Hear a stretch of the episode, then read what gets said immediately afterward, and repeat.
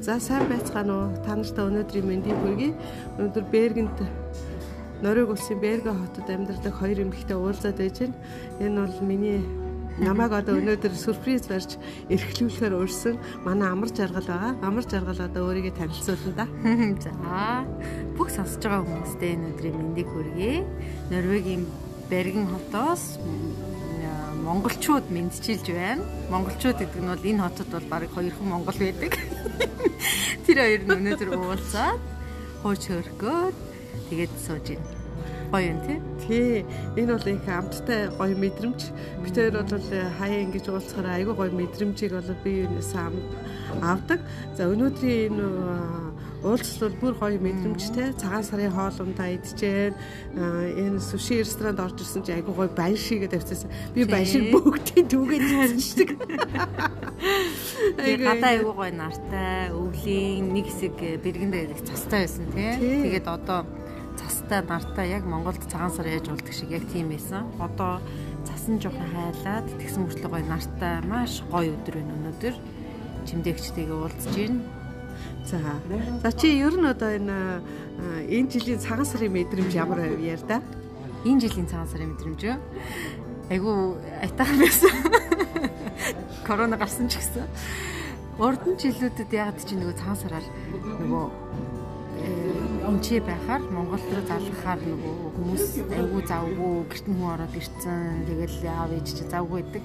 Энэ жил болохоор бүх хүмүүс яг надтай адилхан байгаа юм шиг надад санагдсан. Тэгээ Монголд бол мэдээж онцгой байсан байх л та. Наад бол жил болгон цагаан сараар одоо би 12 жил цагаан сар тэмдэглээг байна. Яг Монголдо. Тэгээ энэ одоо яг өөрийнхөө гэрт цагаан хүүхдүүдтэйгээ гэр бүлтэйгээ цагаан сар тэмдэглэдэг. Яг Монголынхоо одоо мэдрэмжийг энэчнээс авдаг. Тэрийг авангаа тэгсэн мөртлөө бас дахиж нэг нэмэлт мэдрэмж нь бол бүх хүн надтай адилхан байгаа нь хайтахан санагдсан. Харин энэ жил би өөр урд урдынхаас л илүү хүмүүстэй золгочих шиг болсон шүү дээ. Нэтэр золгогч нь одоо бүр их өргөн хүрээтэй болсон. Би тэрийг бол их цагаан сар их улаан айл хэлсчихтэй гэд хэлж байгаа. Яг тийм мэдрэмж төрж байгаа тий. Илүү олон хүнтэй уцаар илүү олон хүн завтай байгаа. Их гоё санагдсан надад. Өнөөдрийн хувьд ч гэсэн би тэр их сайхан мэдрэмж төрж байна. Яг хоёлаа энэ ресторанд орж ирээл суугаал хоолоо идэнгүүтэл хоёлаа Монгол руу залглаа. Бас шинийн 8-нд амжаал залгаж амжааг хүмүүстэйгээр золголоо. Ойрхон нэг эндээс 200 хэдэн километрд амьдардаг Монгол гэр бүлтэй бас ярьлаа. Тэгээд их сайхан байсан. Айгуу гоё байсан. За тэгээ идэж байгаа хоол мань бүр тансаг сайхан. Тэгээд ногоон цайтай ингээд яг Монгол маягаар идлээ. Энэ хоолны амт бол надад одоо үнэхээр сайхан байна. Танд ямар мэдрэмж төрүүлээ үсвши? Ясаа энэ энэ ресторан дахин орох юмсан л гэж бодож байна. Би одоо сүшийн сүүлийн үед их дуртай болсон.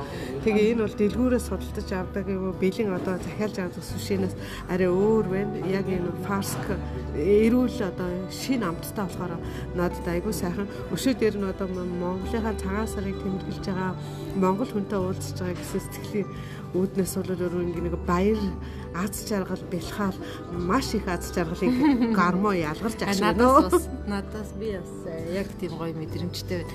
Ер нь цагаан сар э, шиний 8 хуучрахаас өмнө битээр заавал жил болгон ингэж уулздаг. Ер нь чимлэгч дээр нэг шиний 2-нд шиний 3-нд амжаад очиж залгадаг. Гэхдээ энэ жил яг манай хотын байдлаар бол өндөр карантинтай зарлцсан. Яг л Монголтой адилхан баг тий байсан. Тэгэхээр одоо бит хоёр аргас өвчлээд нэг э, гоё суши идий гэж одоо тэр гэхдээ энэ энэ суши ерөөсөө надад ингэ санагдлаа. Яг Норвег ерөөсөө загсан загсыг японочууд баг импортлж оруулж ирээд тэнцэнэ зардаг юм шиг санагдаад байгаа байхгүй юу? Одоо яг ягаад тэгэхээр Норвегт одоо салмон загас чинь бол яргаа загас чинь бол ерөөсөө дэлхийд алжтай одоо эмчэнэг суши гэд хоолоо Японы хоол мөртлөө яг би ингээд тэр яг л нөгөө эндхийн загсан тэгсэн мөртлөө амар гоё э, шинхэн юм гоё амт байгаа байхгүй тий. Энэ бол бүр тэгээд үнэхээр гоё шин гоё тий. Үнэхээр амт нь бол шал өөр байна. Ягаад чи мэдгүй их сайхан байна. Үгүй сүшигсээс би нэг сони юм яри. Нэ манай энэ Берген хотод бараг 20 жилийн өмнө нэг монгол залуу ганаасан гэдэг бүр энтхийн энэ Бергний цаг үе сонины нэг нүүрээр дүүрэн ярилцлага өгсөн байсан. Тэгээ би өөр сонирхоод энэ э, загсны цагтаар ирж уулзж байсан. Тэр залуу одоо анх удаага энэ Монгол хүн нойроо энэ Бергэ хотод анхны сүшиг хийж энэ нутгийн хүмүүс танилцуулсан шүү дээ. Монголчууд ер нь мундаг шүү дээ. Норвегийн ийм сонир уу? Энэ Бергний Бергний цаг үе сонин дээр бүр бүтэн юм нүүр бичлэгтэй байсан. Аа ямар гоё юм. Тий. Тэр залуу болохоор зэрэг надтай уулзахдаа Бивэн хотод амьдардаг ээж нь Япон хүн, аав нь Монгол хүн гэж ярьж байсан. Би одоо овг нь мартсан байна.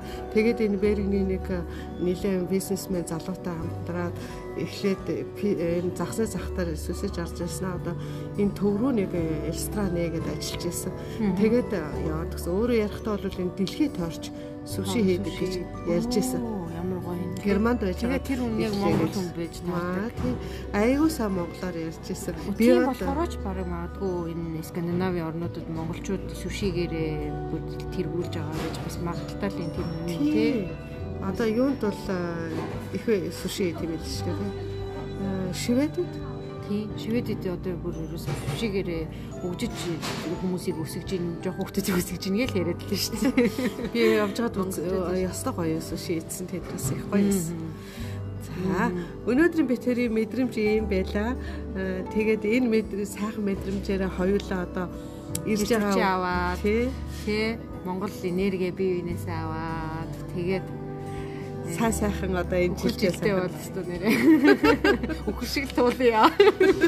Ясаа ярьж тайван бүртээ ярьж үхэр шиг тайван амархан налгар хүчтэй тий. шар нөгөө тэрэгний шар шиг зүтгээд сүү сүүтэй бас тий. янз янз ид хиттэй амтанда. За ингээд Берг Норвегийн Берг хотоос амар жаргал бит хоёр одоо Чиндэгчтэй өөрсдийнхаа мэдрэмжийг ингээд та нарт хүргэж мэдчилж байна. Төр баяртай. Дараагийн баяртай. Ер нь мэдрэмж нь хоёр монгол хүн нэг олон монгол хүн байхгүй газар цөөхөн монголчууд уулзгаараа яаж баярлан хөөрцгöd хөөрдгийг л одоо тэр мэдрэмжийг л одоо хүмүүс сонсох багтаа юм байна. Тий. Үнэхээр сайхан байлаа. Тий. За баярлалаа.